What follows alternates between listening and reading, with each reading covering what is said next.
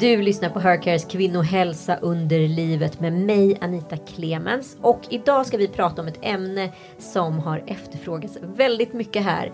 Det man kanske lite lätt skojar bort men som är faktiskt väldigt viktigt, nämligen sexlusten. Och med oss till hjälp har vi två vårdexperter från Hercare. Vi har Antonia Armini och Caroline Lundgren. Hon är inte bara sjuksköterska utan även utbildad beteendevetare och inom klinisk sexologi. Och veckans gäst är ingen annan än Klara Doktorov.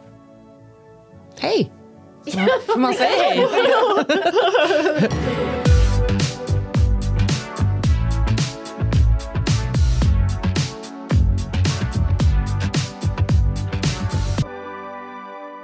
Caroline, för att göra ett intro på dig här direkt för nya lyssnare. Och det är första gången du är med i podden. Det är första gången, ja. Ja, men precis. Superspännande. Varför är sex viktigt? Sex är viktigt för att det är någonting som vi allra flesta vill ha och eh, prioriterar. Någonting som vi har tillsammans med någon och någonting som eh, vi gärna vill ha med oss i livet. Och det är någonting som eh, stärker vår hälsa.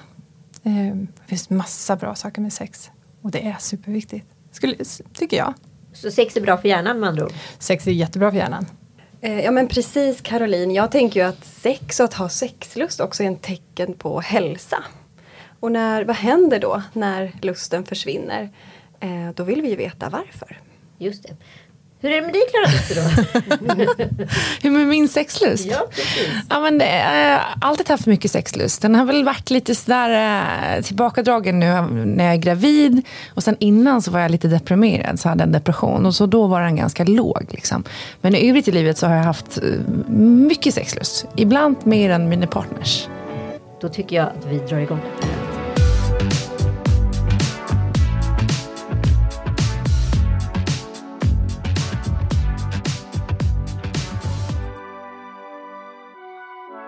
Ja, men då vänder jag mig direkt till er experter här. Men vad är ett så kallat normalt samliv egentligen? Ja, Antonio och jag pratade om det här lite tidigare, hur man ska förklara vad ett normalt sexliv är. Vi alla har ju individuella eh, alltså erfarenheter av sex och eh, vad sex är för oss. Eh, så att normalisera det är väl kanske svårt för det är så himla individuellt vad sex och sexlust är för oss som individer. Ja men för att jag tänker det måste hänga ihop med hormoner och signalsubstanser det här som ni är så bra på att prata om på Hercare. Alltså var, varför har man mer och varför har man mindre om man säger så? Ja, det är så himla stort det här så vi ska försöka liksom få, få ner det på lite nivå. Vad det är som påverkar, det är väl kanske det som är mest intressant. Vad är det som gör att vi har sexlust? Vad är det som hämmar vår sexlust? Jag tänker vi kommer in på det lite grann lite senare men hormonerna spelar in och där har vi Antonia som är expert på just vad hormonernas påverkan är. Det är olika delar som vi behöver liksom titta lite på. Vi kan ju tänka så här att sex styrs eh, utav två system i kroppen. Vårt nervsystem och vårt endokrina system. Och de här två dansar hela tiden. Och sen så finns det ju såklart massa faktorer som påverkar dem. Men har vi en hormonell obalans eller har vi väldigt mycket stress eller depression som du nämnde tidigare. Ja. Så kommer ju det påverka vår sexlust. Och vi behöver någonstans både det här drivet eh, som kommer från nervsystemet och vi behöver också ha den tryggheten i nervsystemet och så behöver vi ha våra hormoner. Och för oss som är biologiska kvinnor så eh, mellan menark och menopaus så cyklar ju vi också. Det här kommer ju göra att vår sexlust förändras eh, genom livet om vi är eh, gravida eller om vi eh, är i förklimakteriet, klimakteriet, menopaus. Eh, ja. Ja. Många faktorer som påverkar lusten. Ja, men jag tänker också att det måste finnas ett socialt arv också i sex förutom de liksom biologiska. Alltså påverkar det hur man agerar runt sex första tiden i livet när man, beroende på hur man pratade om det hemma? Hur pratade ni om det hemma, Klara Doktorov? Ja, men jag tror att vi var väldigt uh, unika. Jag har förstått det när jag blivit äldre. För jag kommer från ett hem där mina föräldrar var väldigt öppna liksom kring sex, nakenhet och sådana grejer. Uh, jag kommer ihåg liksom när man var relativt ung ändå och, och de var borta och man gick i, i deras lådor och hittade liksom någon sån här lackdress och sexleksaker och erotiska böcker och kanske någon liten porrfilm och sådär. Det var ju superspännande. Eh, men de har alltid varit alltså, superaktiva och liksom ingenting har varit konstigt eller pinsamt. Och det tror jag har format mig väldigt mycket i liksom min lust. Att jag känner att så här, jag, jag vågar äga min lust. Liksom. Just det. Men och liksom, hur, ska man, hur ska man göra då hemma och med ungdomar som växer upp? Jag tänker att det är så många föräldrar som sitter här ute och bara så här, vet inte vad man ska göra med sina kaosande ungdomar. Och det är jobbigt att prata om. Man har själv haft jobbigt att prata om det hemma. Visst är det så. Och jag, eh, till skillnad från dig Klara, hade inte föräldrar som pratade om sex och samlevnad hemma. Och det är det jag älskar att prata om. Så jag tänker att man har hela tiden möjlighet att samla på sig information och erfarenheter och en bra syn på sex senare i livet om man inte har det hemifrån. Men självklart så är det ju en jättefin grund att ge sina barn att ha en öppen dialog och ett forum för att kunna ta upp de här ämnena. För det är väl någonstans där också som vi skaffar oss eh, sunda tankar om oss själva, våra kroppar och om vad sex är och vad, vad det ska innebära. Vi får bra inputs därifrån. Eh, Klara, du berättade för mig lite om eh, er oblyghet i familjen men också så här, Dr. Roland som har varit ett inslag i, i din uppväxt. Ja, nej, men jag, började, eh, jag, jag fick en pojkvän när jag var ganska ung. Jag var väl 14 år. Och eh, vi, vi började ha ett sexliv och så fick man väl gå hem till sina föräldrar och säga nu har jag sex, nu måste jag skydda mig, jag är trött på kondomer. Så mamma bara, ja ja okej, då får vi gå. och Så fixade vi p-piller först. Och sen så kom jag liksom i någon slags loop där det inte fungerade längre. Så jag hade bara blödningar konstant. Och det funkar inget bra. Så då var morsan så här, nej men nu går vi till Dr. Roland. Jag bara, vem fan är Dr. Roland? Eh, men det var då en, en, han är en välkänd gynekolog på Gotland ska jag säga. Ja. Eh, och så då satte han in en spiral på mig när jag var 16. Eh, och, och då var det lite så här, då tror inte jag att man riktigt gjorde det på unga kvinnor som inte hade fått barn. Men det var ett antal gynekologer i Sverige som gjorde det. Eh, och han sa det att, att eh, det handlar egentligen bara om att det är, man måste vara ganska flink. Liksom. Och så sa han också, jag har gjort det här på min dotter och alla hennes kompisar så det är lugnt. Jag, vet, jag bara, don't want to know. Men eh, det eh, funkade jättebra för mig väldigt länge att ta bort hormonerna. För de mådde jag inget bra av och eh, jag orkar inte heller gå och ha de här, som här genombrottsblödningarna som jag fick av p-piller. Så då var det en kopparspiral? Jag fick en kopparspiral, ja. Precis. Och eh, den ha, jag hade kopparspiral i två omgångar. Eh, sen blev jag gravid den andra gången. Med eh, min äldsta. Så den funkade väl sådär. Men det var på sluttampen och jag antar att den kanske hade behövt bytas lite tidigare. Jag förstår. Men vi pratade lite kort om det i början här, men är alla lika sexuella? Alltså för som vi alla vet i tonåren så pikar ju hormonerna. Och hur ser det ut under livet? Kan man måla upp någon liksom liten karta för våra lyssnare på hur lusten brukar te sig? Ja, så blir man kåtare med åren som kvinna. Det är väl också väldigt individuellt. Eh, men eh, det är ju som, som du säger eh, Anita, att det är ju hormonerna som påverkar också. Jag tänker barn har också en sexualitet, det börjar redan där. Vi vet ju väldigt lite om barns sexualitet om man inte, som jag har pluggat klinisk sexologi. Men vi vet att barn börjar bli nyfikna där. Där väcker vi redan fröet för hur vi ser på nakenhet, hur vi ser på våra egna kroppar. När vi kommer in i puberteten så är det den här uppbyggnaden av alla hormoner som ska börja falla på sin plats. Man ska hitta sig själv, förstå sig själv och de här hormonerna. Eh, och sen så har man ju som, eh, det är nu när man blir gravid och det är en annan uppsättning av hormoner som man ska förhålla sig till.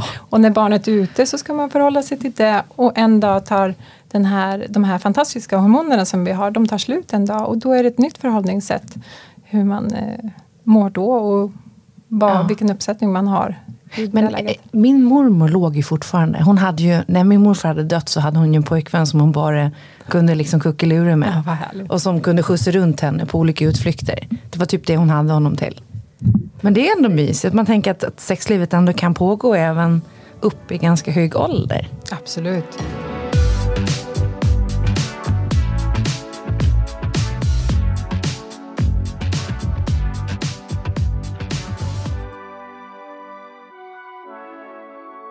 Går in på liksom antidepp och sexualitet, hur, hur hänger de två ihop? Men där ser man ju att en av de vanligaste biverkningarna just med antidepressiva läkemedel, andra läkemedel, hormonella preventivmedel är att man får en minskad sexlust. Framförallt så kan det vara att man kan få svårt att nå orgasm. Det, det är liksom, och vi kan inte förklara helt varför det här kanske eventuellt påverkar vävnad eller så i underlivet. Varför just det blir svårt att pika i orgasm. Ehm, sen tänker jag att det också är, ja, men om du medicineras med ett SSRI-preparat då ligger det ju också en, ja, men en problematik i botten. Är det en oro, är det en ångest, är det en depression? Eh, och är du i ett sådant tillstånd då kan det ju också vara svårare om man tänker att kortisol som stresshormon trumfar oxytocin som är det här härliga mjuka lugna. Oxytocin kan vi säga är trygghet i vila. Och vi måste ju någonstans kunna vara i den här tryggheten. Men jag tänker på det, för jag har haft den erfarenheten också när jag gick på sertralin när jag var yngre. Att det var jättesvårt att komma. Men det tog eh, ganska långt tid av liksom träning. Och till slut så lyckades jag. Eh, men det var precis som du säger, att det tar liksom udden av orgasmen. Man kommer liksom inte på samma sätt. Men sen, och så dalar Ja, eller det, det, du, kommer, du når aldrig liksom ett klimax på det sättet. Eh, och, sen, nu går jag på ett, ett, en annan, som inte är sertralin, Eh, som heter eh, escitalopram. Och den har varit tvärtom för mig. Det har liksom varit nästan som en gåtmedicin, att man har liksom fått så explosiva orgasmer istället. Uh, och det har jag hört att det har varit det omvända för folk. Så att, jag har förstått också som att man kan prova olika sorter kanske. Och olika sorter har ju olika typer av biverkningar. Det är svårt att gå in på enskilda mediciner i sig men vad vi vet med många av de här antidepressiva läkemedlen är ju att man blir lite avtrubbad. Eh, och inte bara i sexlusten utan även i i livslusten och glädjen och ups and downs. Att allting blir lite mer liksom, eh, gråskala. Och då självklart så faller ju sexet med på, på köpet där. Vissa upplever det mer och vissa upplever det mindre men helt klart är det att många känner att det ändå påverkar. Om man nu kollar på en kvinnlig cykel som skiljer sig väldigt mycket från en manlig cykel. Hur, när ska vi kvinnor vara kåta? Är det bara centrerat vid mens eller kan man vara lite, lite sugen hela tiden eller hur ser det ut? Alltså först och främst brukar de flesta känna av en ökad kåthet innan ägglossning. Och då är det ju att vi är, det är ju framförallt vårt östrogen som, det är det som dominerar då och det är det som också driver mycket sexlust. Sen får vi en liten peak av testosteron precis innan ägglossningen. Så att vi, då är vi liksom taggade och redo eh, för det. En del beskriver också en ökad sexlust. Alltså jag kan veta att jag ska ha mens för att dagen innan blir jag fruktansvärt kåt. Och då är det att mitt progesteron sjunker snabbare än mitt östrogen. Så för liksom ett dygn så har jag en ganska liksom, ja men surfar jag på östrogenet och då kan man uppleva en kåthet. Mm. Mm. Men om man då inte känner någonting utav det här som ni beskriver. Vad, vad, vad är det som händer då i systemet? Jag tänker att man har en åtminstone så märker vi det på Hörkar när det kommer kvinnor till oss att man har en ökad tro på hormonernas påverkan på vår sexlust. Och den har absolut en påverkan, men kanske inte lika stor som vi faktiskt tror. Eh, just testosteron är ju många som kommer också och ber om att kan vi kolla de här värdena, hur ser de ut? Jag tror jag skulle behöva det för jag, jag är inte kåt. Eh, men forskningen säger att testosteron om vi höjer det, om vi ger extra testosteron så ger det inte en signifikant större skillnad på sexlusten. Men vissa kvinnor är i behov av att ta den här lilla piken, precis som Antonia säger, precis innan ägglossning. Och har man för någon anledning inte ens den, då kan man behöva tillsätta lite testosteron bara för att man ska liksom jämna ut. Men om man tänker att en menscykel är upp uppbyggd på ett helt fantastiskt sätt. Skulle vi då lägga in liksom manliga hormoner eh, och androgener för att liksom ligga högt hela tiden, vad händer med psyken då? Det här är ju uträknat biologiskt att vi har hormoner som rör på sig i kroppen för olika anledningar. Eh, så jag tänker att eh, hormonerna påverkar jättemycket men kanske inte hela vägen. Det finns en stor del bakom den här lusten som inte är hormoner eh, som man behöver också titta på. Ja, för det tänker jag på. För när vi skrev eh, relationsbibeln, en relationsbok som jag har varit med och skrivit tillsammans med en psykolog, så eh, var det väldigt tydligt, för vi gjorde intervjuer med människor också, också baserat på liksom egna erfarenheter och sådär, att sexlivet är ju någonting som man måste jobba på ständigt och konstant. Även om man är singel tycker jag att man borde göra det. och underhåller sin lust. Att det är liksom ingenting som bara drabbar en utan det krävs lite arbete. Och när man har varit ihop ett tag när man inte har de här liksom jag tänker de här kärlekshormonerna i början. Eh, då, då kommer man ju kanske in i lite, lite slentrian. Typ. Och då är det skitsvårt att vara kåt samtidigt. Eller om man har varit singel och inte ligger på länge. Att, alltså, håller man inte på och börjar liksom tillfredsställa sig själv. Så kanske inte den där lusten heller. Alltså den klingar liksom av lite grann. Ja, men så vad ska man göra då? Om, man, om vi börjar med singelskapet. Så här, hur ska man bibehålla sin sexdrift, sexlust? Om man inte har det naturligt. Jag tänker här att det, man kan ju prata generellt men det är också något otroligt väldigt individuellt. Eh, och titta på massa olika faktorer. Jag menar, har jag ett väldigt stressat liv? Har jag varit med om sexuella övergrepp? Jag tänker att efter liksom hela metoo som dök upp så har vi fått en helt annan förståelse för vad faktiskt ett sexuellt övergrepp kan vara. Eh, vad lever jag i för kultur? Vad är det för normer som råder? Eh, så det, det är lite svårt att helt generalisera. Vi kan ju försöka Såklart. lite grann. Men, Nej, det tänker jag på, bara på tal om metoo där. För det, det läste jag bara häromdagen att metoo har på sätt och vis gjort att folk nästan lever liksom lite mer i celibat. Att man bara så här, det blev en overload liksom. Och väldigt mycket fokus kring kanske olika trauman man har upplevt. Och så, och så jättebra att man kanske bearbetar det i samband med metoo. Eh, när allting kom upp till ytan. Men det är, vi är fortfarande i någon svallvåg av det. Och sen pandemin och allting som har varit. Som har liksom skakat om allting väldigt mycket. Jag tror också att det är väldigt viktigt att skapa ett forum för att kunna prata om sex och samlevnad.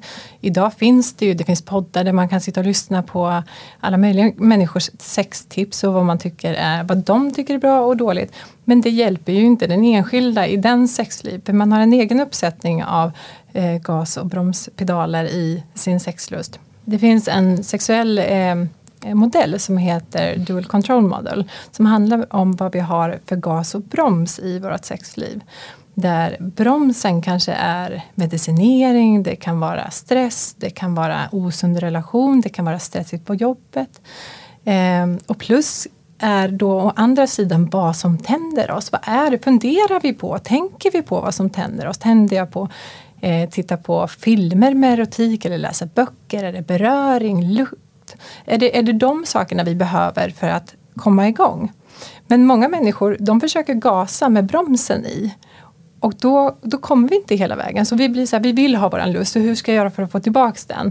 Men vi måste först titta på vad det är som bromsar till att vi känner lust och kåthet för att vi ska kunna komma vidare. Och det är det som jag tänker är, är viktigt att börja prata om. om vi pratar om stress då som verkar vara liksom vår, vår tids stora bov i dramat. Hur funkar stress och sex? Hur hänger det ihop? Och hur funkar det för dig Klara? Du har jobbat intensivt väldigt mycket Ja. periodvis. Blir du, känner du lust då eller känner du dig helt avstängd? Nej, det är klart jag märker stress påverkar jättemycket. Sen märker jag också att, att jag är, är väldigt, det är väldigt tydligt. Jag är som kåtast på morgonen och förmiddagen. Ja. Det, vad, vad, beror det på? Vet ni det? Ja, men alltså, man kan ju se till exempel hos männen brukar det ju vara så för att de har liksom sin testosteronpeak där. Hos kvinnor så tänker jag att man är liksom utsövd. Ja, alltså exakt. det är vilad. Det är inte kanske så här härligt att skapa värsta viben när man kommer hem och har stressat och jobbat och fått nattat barnen. Då vill man väl sova. Nej, för det har jag känt exakt det. Och på kvällen, det går liksom inte att piska igång någon lust. Eh, utan då är det, och det är svårt att hitta tiden Ja, det, med det, sin partner på morgonen. det var perfekt nu under pandemin när man båda har jobbat hemma. Hur man kunna instifta lunchsex. Ja, verkligen. härligt. Men, eh, nej, men så det gör ju liksom också att man ibland får tag i det i egna händer. Och det tycker jag också är så att det finns liksom ingen skam i det. Ehm, utan tvärtom, att jag tänker typ att det är ett verktyg för att underhålla min lust för, för mitt förhållande också. Liksom. Ja men och sen så tänker jag, nu pratar vi väldigt mycket om utifrån en situation där vi är i ett par. Men är man själv, vad ska man göra? Hur ska man ta på sig själv och hur ska man veta vad som är vad? Om man har en oerfarenhet inom lust. Jag skrev för många år sedan en uppsats om eh, lärares eh, kompetens i att utbilda i sex och samlevnad för högs, eh, högstadieelever. Eh, där man såg att eh, lärarna har en jättestor bristande kunskap på vad man lär ut. Där man också lär ut lite efter preferenser. Eh, man, man tar ut de delarna som man känner, men det här är någonting som eh, jag vill föreläsa om. Och eh, har man en bristande kunskap del som anatomi, hur ser jag ut? Har jag någonsin tagit en spegel och tittat mig mellan benen? Vad, vad finns där egentligen? Väldigt få har gjort det. Ja, jag tänker också det. Jag tänker det är ett jättestort steg, något som alla borde göra för vi skapar en bättre relation med vårt kön när vi liksom får titta på den och avdramatisera det. Det här är liksom en jättevacker del av vår kropp som vi behöver bejaka. Eh, och då finns det massa tips och tricks på hur kan man ta på sig själv, vad har jag och hemma och bistå med om jag inte vill springa iväg och köpa några sexleksaker. Men också som jag var inne på, vad är det som tänder mig? Är det böcker? Är det ljud? Är det, är det porr? Är det, vad, vad finns det för alternativ att välja mellan? Eh, så man får bejaka det och, och, fokusera och tänka lite mer på det. Det känns ju också som att så här, samhällets eh, normer liksom kommer in här på ett eller annat sätt. Så här, vad som är rätt. Är det rätt med en, att man ska ha en dildo hemma bara för att man ska ha det eller för att man faktiskt njuter utav mm. den. Och om man nu gillar porr så kanske det finns mycket skam i det etc. Va, mm. va, va, hur, hur, resonerar ni liksom när ni? Nej, vi ser nog inte att det finns något rätt eller fel. Eh, utan det finns väldigt mycket variationer inom det som man kan kalla då för det normala. Eh, och jag tänker framförallt att det är viktigt att man har en relation som Caroline var inne på. Att liksom ha en relation till sin egen sexualitet, ha en relation till sitt underliv. Och den relationen kanske börjar med att man erkänner att jag har faktiskt ingen relation till den. Då har man ju någonstans där man kan börja. Det kanske är att man i duschen rör sin egen kropp. Eller att man i alla fall inte skyler sin kropp när man går förbi en spegel. Eh, ja, börja bli liksom vän med kroppen. Men, men för där måste jag säga, alltså som gravid, att det är mycket som jag ta, kommer att ta med mig, som jag faktiskt fattar gång nummer tre nu när jag är gravid. Som jag kommer att ta med mig efter graviditeten. Det här med att man går runt och kan vara naken på ett helt annat sätt. För att en gravid kropp känns så odramatisk. Men att man också liksom, det här med att sätta igång en förlossning till exempel och, och oxytocinet eller vad det heter. Mm. Mm. Alltså att man kan liksom smeka runt brösten och man tar på sig själv och sådana grejer. Sånt som är förlossningsförberedande. Men också typ i en annan kontext kan vara ganska sexuellt. Såklart. Och liksom få en att bli lugn och, och, och må bra och liksom kåt. Um, Ja, jag, tror, jag tror så otroligt många människor är så rädda för sina egna kroppar. Eller framförallt så är de extremt obekväma med att vara det. Jag tror mycket också hänger ihop med just att det finns en skam att just gå runt naken. Att man är extrovert och det skulle vara något skadligt och fult. Att, hur ska man liksom förhålla sig till de här? Var, var, var hittar jag tryggheten i lugnet i mina egna tankar?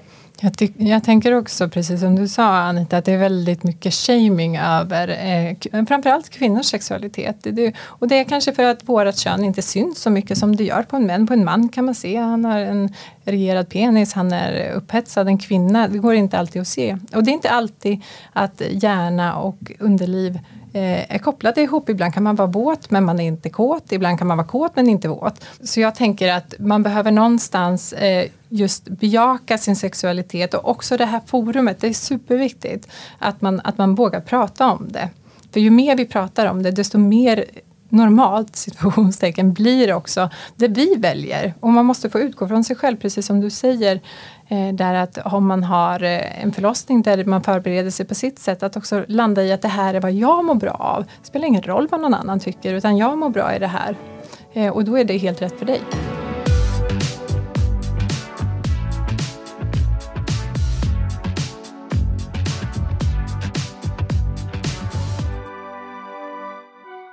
Klara, du nämnde det att du hade varit kåtare än din partner. Hur påverkar det ens relation?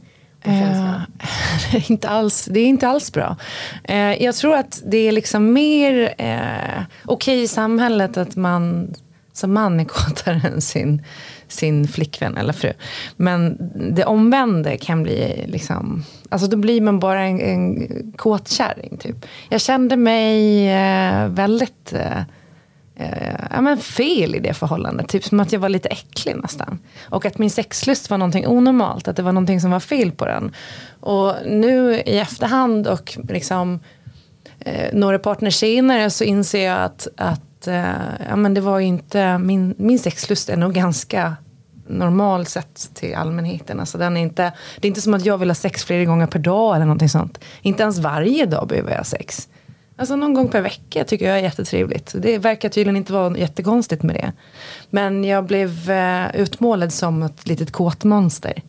Som var... Eh, Var det någonting du liksom la på dig själv eller var det liksom känslan i relationen? Alltså jag tänker att det här är rätt vanligt fast man pratar inte om det. Jag tänker, det att det, är lite, skamligt. jag tänker att det är lite avundsjuka också med det. Att någon har en hög sexlust, det är ju någonting som vi alla tycker är, det är väldigt härligt att känna så.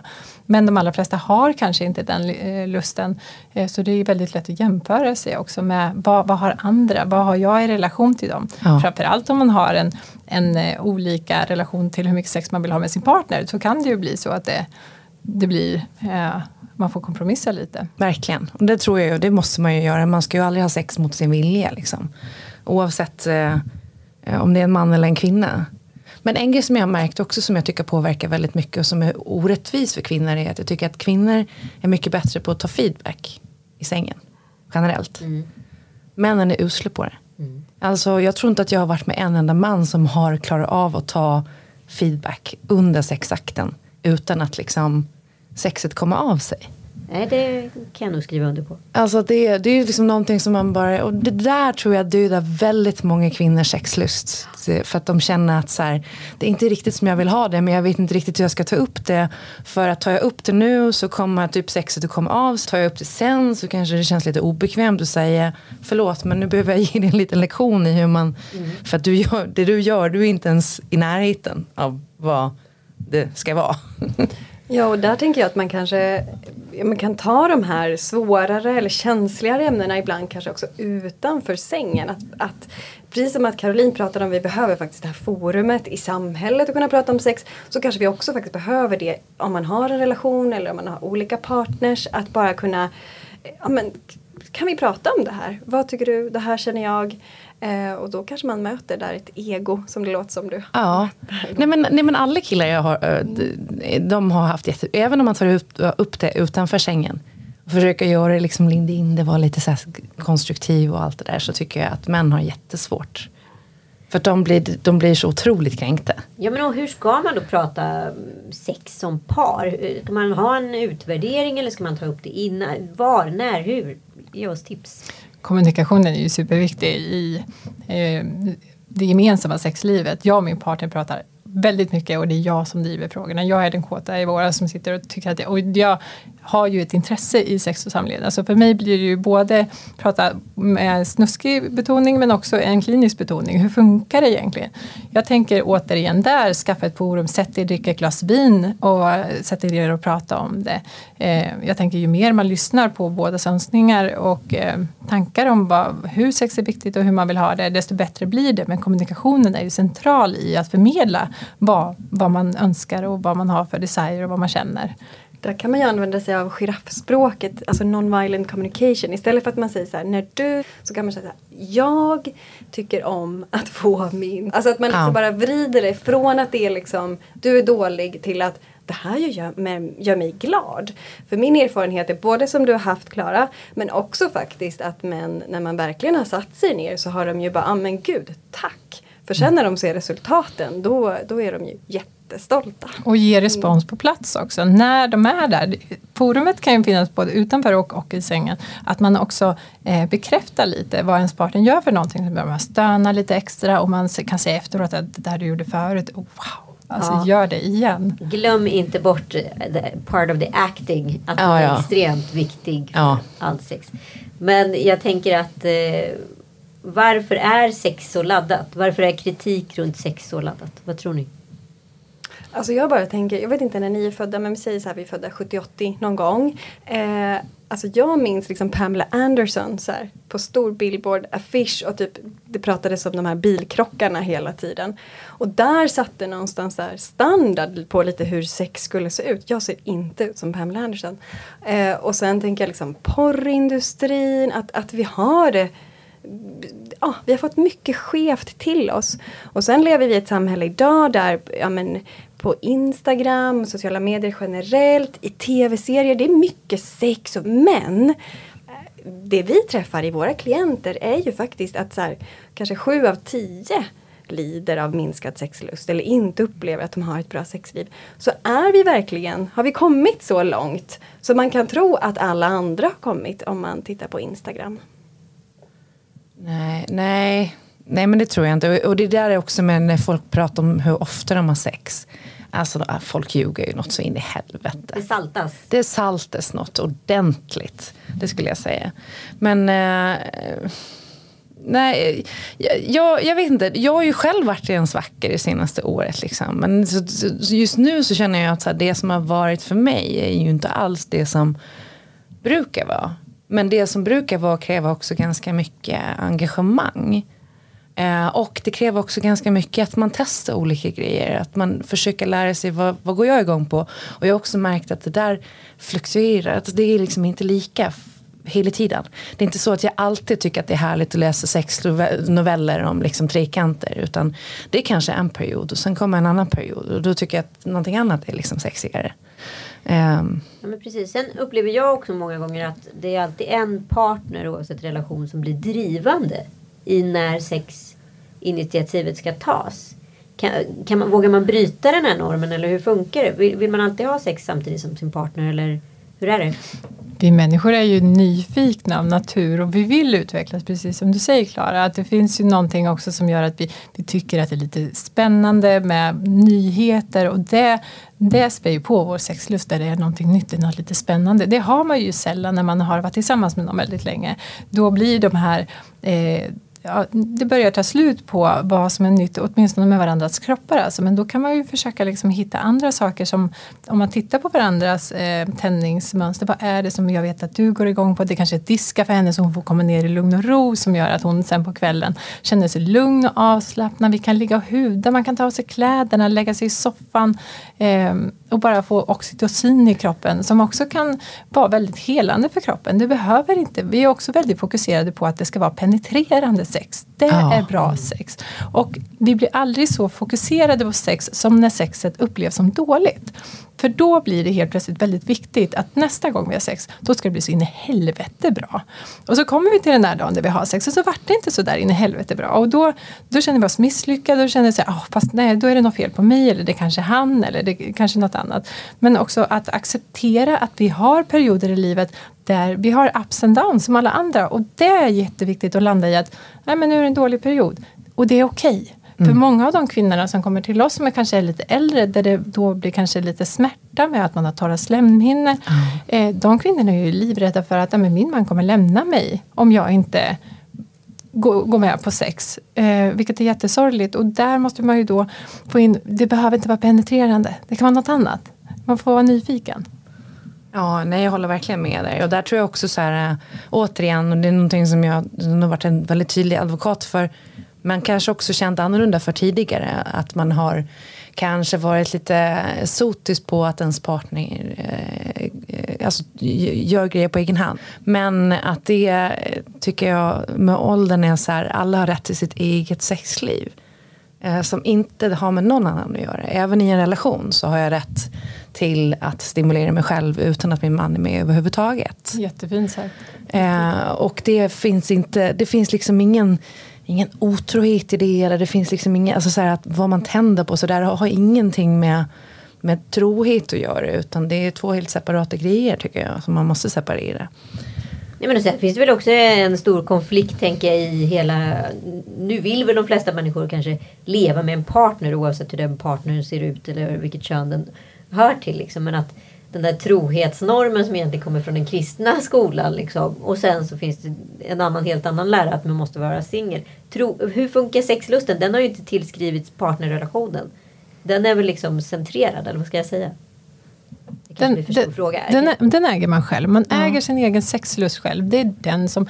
Jag brukar beskriva sexlust, som du var inne på lite i början Klara. Att sexlusten brukar jag se lite som livslust. Mm. Vad gör vi för att få livslust? Vad gör att vissa människor känner att fastän livet är så fantastiskt, jag väntar på imorgon och nästa dag. Ehm, det är, gör också att man berikar livet. Man gör saker som man tycker är roligt. Man åker på sina resor, man trivs med sin partner, man har roligt med sin familj. Man, man gör saker som man vet att man mår bra av. Vi tränar. Ehm, men när det kommer till sexet, då är det som att vi förväntar oss att när vi tar av oss och är nakna tillsammans med en partner eller själva, eh, då, ska vi, då ska vi helt plötsligt bli kåta och vilja ha sex. Och det funkar inte så. Utan vi måste återigen det här till vad är det som tänder dig? För det måste vi aktivt arbeta med. Det gör vi i våra relationer, det gör vi våran, våra, med vår vänskap. Men det behöver vi också göra eh, med varandra. Så jag tänker att eh, mer att man får liksom titta på vad är det som jag behöver för att jag ska känna den här lusten till sexet? Som jag känner för lusten till livet förhoppningsvis. Mm, verkligen.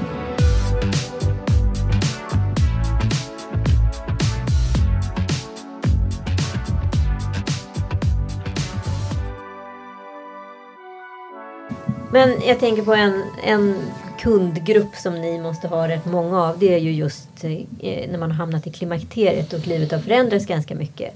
Vad händer då med lusten? Vi ser ju väldigt ofta att lusten går ner eh, hos de flesta. Just eftersom att eh, östrogenet försvinner. Eh, och östrogenet är mycket det som driver sexlusten. Eh, vi ser också de här eh, torra sköra slemhinnor och att man lättare får urinvägsinfektioner. Eh, vi kan också ibland höra historier om kvinnor som kan känna sig nästan friare i sin sexualitet på ett sätt för att de bryr sig inte lika mycket om vad deras partner tycker och tänker utan de utgår faktiskt mer från sig själv. De blir mer ja, fokuserade på vad de tycker. Eh, men där kan man ju få hjälp och stöd via hormonell ersättning och för en del fungerar det väldigt bra. Så det finns hjälp att få? Ja. Liksom, du tittar på mig. Nej, men jag tänker på det där bara för mina egna föräldrar. Gud, de har sagt att jag får säga allt, vad som helst, vad jag vill om dem i vilket forum som helst. Men de, de har ju så här, liksom, började hålla på som swingers. Det här fick jag ju reda på när, de var, när man var vuxen och sådär. Men de började med så swingers-grejer och sådär. Och sen, eh, morsan fick ju, precis som du nämnde, att, att kom i klimakteriet och det var liksom stykigt några år. Men sen funkade det. Och, ja, men sen fick pappa prostatacancer och då liksom kunde han inte få upp den längre. Och, och så, är det konstigt att jag sitter och pratar med mina föräldrar så här? Jag tycker det är fantastiskt. men nu så har de, så här, då har de hittat någonting som är, så här, okay, som är sexuellt men som inte är sex på det sättet. Utan eh, icke-penetrerande. Icke-penetrerande, liksom, massage, närhet en, en sensuell kontext liksom, som också är ett sexliv. Allting är ju väldigt fixerat kring orgasm. Och inte kring den intimiteten som det faktiskt är. Att, att ha sex. Och man kan ha sex på så jäkla många olika sätt. Precis, jag tror allt är väldigt fokuserat på alltså penetration och just mm. liksom orgasmen som här, klimax på allting. Så. Och man ser ju att man behöver inte få orgasm för att få den här cocktailen av hormoner som sätter igång när vi tar på varandra. Bara beröring, lätt beröring gör en jättestor skillnad för vad som sätts igång. Och det är kanske den som behöver liksom, vi behöver bli mer frekvent med. Att vi behöver ta mer i varandra. Vi behöver liksom kramas mer, vi behöver vara hud mot hud. Vi behöver hitta alternativ som vi tycker känns bra för båda partnerna. Så jag tänker att det är väl jättefint av dina föräldrar. Men jag lever i en relation eh, med en man som inte alls är i lika stort behov av den fysiska beröringen som jag. Och det här kan ju liksom göra mig så sårad ibland. Liksom. Och känna mig som en kåtkråka eller vad det nu är. Och det är kanske inte alltid bara liksom, sex jag behöver utan det, ibland kan det bara vara liksom den fysiska närheten att bli omhållen. Och han, han är mer så här, men för mig är det inte lika viktigt. Hur ska man kommunicera då? Om det här? För det blir en laddad fråga märker jag hemma. Och som du säger Antonia, du sa det så himla fint där. Att... Mm. Vad är giraffspråket exakt? Alltså det är eh, non-violent communication så det handlar liksom om att jag säger så här eh, Istället för att säga Klara, när du dricker ditt vatten så blir jag irriterad. Men istället ah. för liksom att jag säger liksom okay. mig istället för att jag säger vad du gör. Jag blir att, man, att man utgår från sig själv. Det var ja, där vi ja, man, man, liksom, Jag har det här behovet, inte att du kramar mig för lite kan man ju säga. Men man kan också säga så här, jag har behov av att få fler mm. kramar. Mm. Men om inte det hjälper då? Men nu har ni kanske inga så här små barn mellan er. Annars så vet jag att när jag träffar eh, småbarnsföräldrar så brukar jag säga till dem, okej, då tar du barnet och så flyttar du det på liksom ena sidan om dig och så lägger du dig bara hud mot hud med din partner och så kan de komma tillbaka efter några veckor och bara, alltså vi har börjat ha sex igen. Ja. Så ibland behövs bara det där lilla. Men om det inte hjälper, jag tänker man kanske kan ja, ge någon typ av förklaring om, om din partner är liksom mer en mind-person. Så här, rent biokemiskt så behöver jag det här. eh, Som kvinna? Ja, men för att det är också svårt att generalisera. Jag tror att det är olika liksom, individer och så. Men absolut att är man biologisk kvinna så har man kanske mer behov av eh, intimitet i alla fall för att sen kunna vilja ha sex. Men det är jätteindividuellt. Ja. Ja, lite mer hångel. Det skulle jag vilja ha. Lite Men- mer hångel för, till folket. Ja men verkligen. Hångel, jag älskar hångel. Problemet med min man är att han är så här eh, besatt av att vara rimlig. Så han kan liksom inte hångla om han inte har gått och borstat tänderna och liksom använt tandtråd. Och, alltså hela, jag känner igen det där. vi kan inte ligga utan att han har tagit en lång dusch och sett att allting är okej och att det är liksom kliniskt rent. Man bara okej men in the moment much.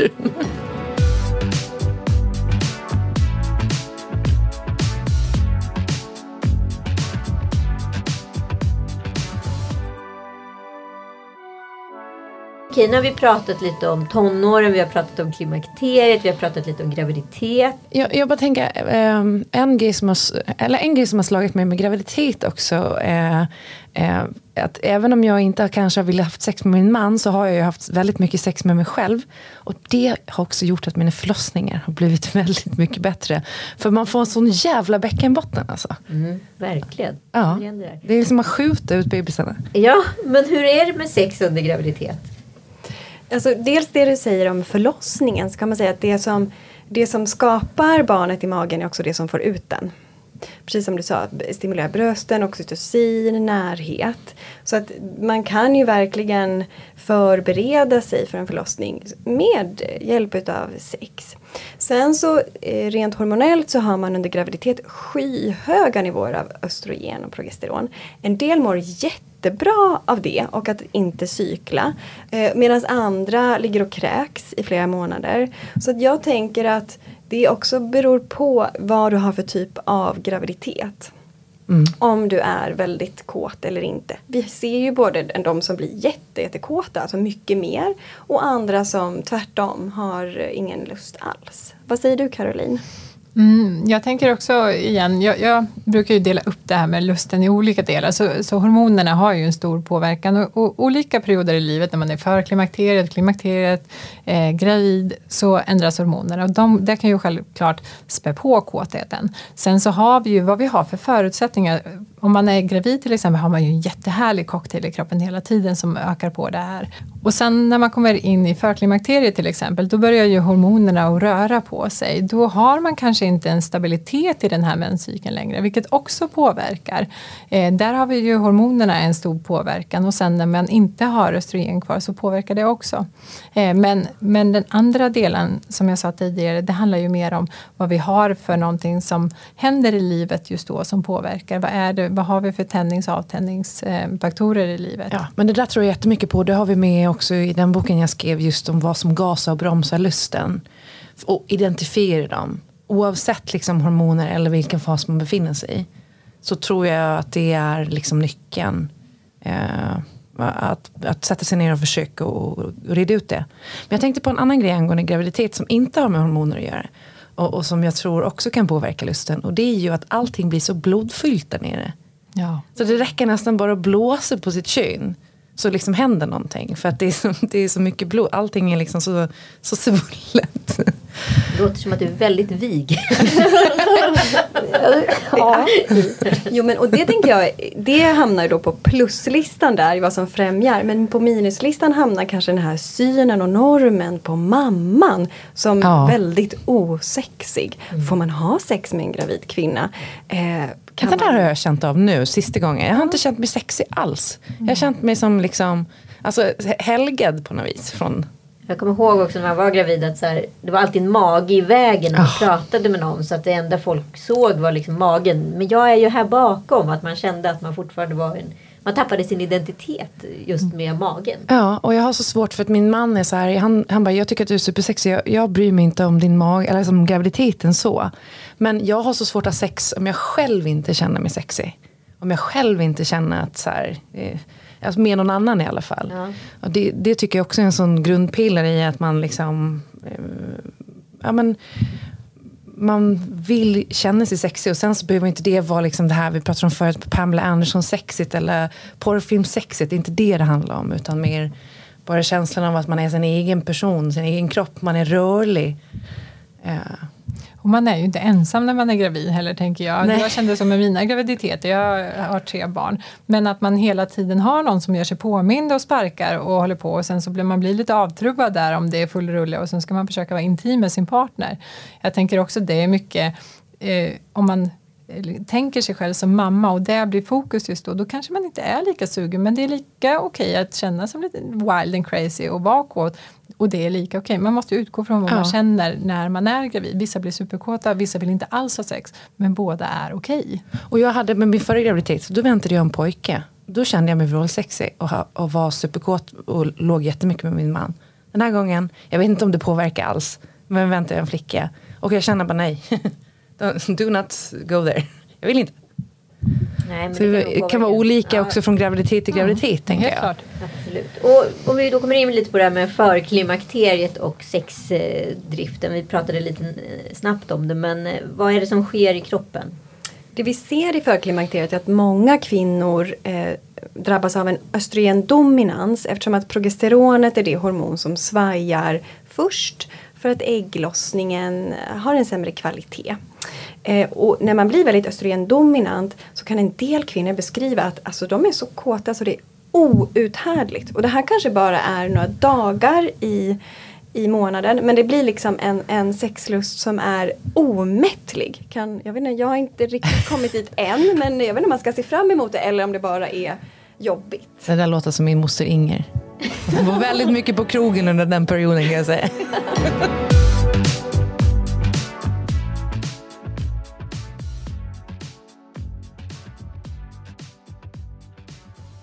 Ja men vad härligt tycker jag att vi börjar sondera terrängen här lite. Att det är viktigt då, lite learnings här, att man lär känna sin kropp och lär känna sin lust och att man hela tiden upptäcker den i olika faser i livet. Det är lite det vi pratar om och också våga kommunicera det här med sin partner på olika sätt. Vi har fått lite lyssnarfrågor. Ehm, min sexlust har nästan helt försvunnit. Eh, jag tror att jag är i förklimakteriet, kanske snart i klimakteriet. Och jag har också mycket stress i livet. Vad är det som gör att sexlusten försvinner och vad kan jag göra åt det? Det är ju mycket det som vi precis har pratat om väldigt mycket under hela programmet. Att vi vill ju veta eh, varför har just du en låg sexlust? Och många symptom, det ser ju vi hela tiden. Det är ibland svårt att veta, är det här en hormonell obalans eller är det en stressproblematik? Och oftast så eh, spär de på varandra. Och jag tänker också att till oss kommer man ju med ett helhetssyn. När vi tittar på våra kvinnor när vi har hormonella rådgivningar så tittar vi utifrån ett helhetsperspektiv. Där vi ser vart obalanser kan skapas någonstans. Men en av de frågorna som vi ställer till alla är ju om man har en minskad sexlust. Eh, och har man det så behöver man ju titta på vad finns det för faktorer där? För där kan man också sätta lite på plus och minus. Vad är det för någonting som påverkar negativt av det som är i din hälsa och vad finns det för plus? Men sen också att man får ett forum att prata om det här så man kan få professionell hjälp med någon som kan stötta en, hitta och liksom lirka fram det här. Hur ska jag göra för att eh, höja min sexlust och eh, min sex tillsammans med mig själv eller med min partner? Vad behöver jag för verktyg? Eh, och det kommer vi kunna erbjuda på Hörka inom kort eh, också. Så det ser vi jättemycket fram emot. Ja men det är ju fantastiskt. kan man också ladda ner er app. Eh, Hercare. Bara gå in i er appbutik och hämta ner den. Och så kan man tracka sin cykel och man kan också ja, men göra en liten minidiagnos. Liksom. Och behöver man mer vård då, då kan man få det och så vidare. Vi har många i teamet som har många olika kompetenser och det är ju det som är så fantastiskt med det jobb vi gör. Att man behöver må bra i grunden för att kunna må bra på de andra områdena. Det är därför vi valt nu att fokusera på att försöka få in det också så att vi kan arbeta med kvinnor på djupet där vi skapar ett forum för att alla kvinnor ska ha samma möjlighet att kunna få hjälp.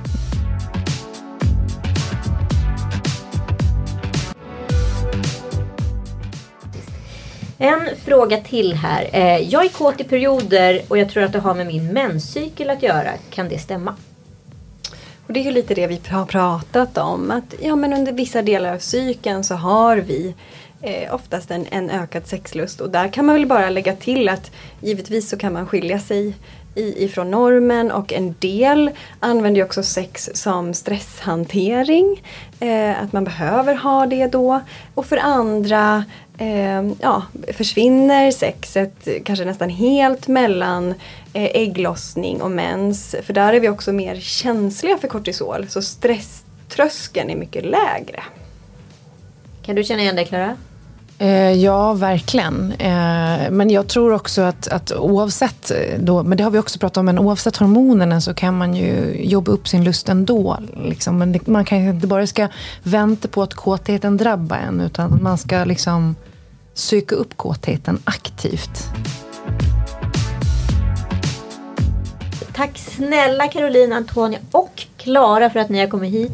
Eh, jag hoppas att ni lyssnar på alla andra avsnitt om podden. Om inte annat så kan ni alltid prenumerera på den i er poddspelare. Vi hörs om en vecka. Tack för att ni lyssnade. Tack! Ja, Tack.